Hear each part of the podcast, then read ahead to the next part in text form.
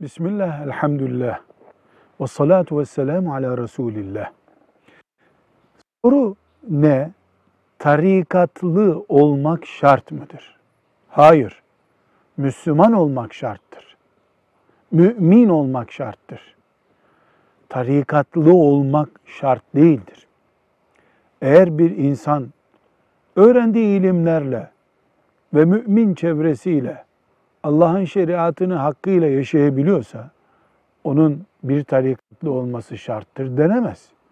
Ama mümin bilgi eksikliği, çevre bozukluğu nedeniyle yalnız kaldığı için haramlardan korunamıyor, ibadetleri hakkıyla eda edemiyorsa, ahlakını ilerletemiyorsa o Allah, Kur'an, Resulullah, ashab-ı kiram eksenli bir tarikatta bulunabilir. Bulunmalıdır da.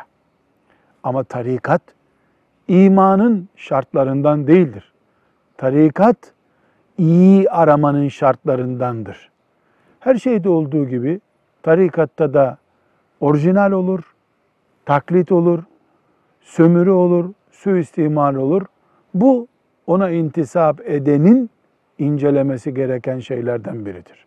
Velhamdülillahi Rabbil Alemin.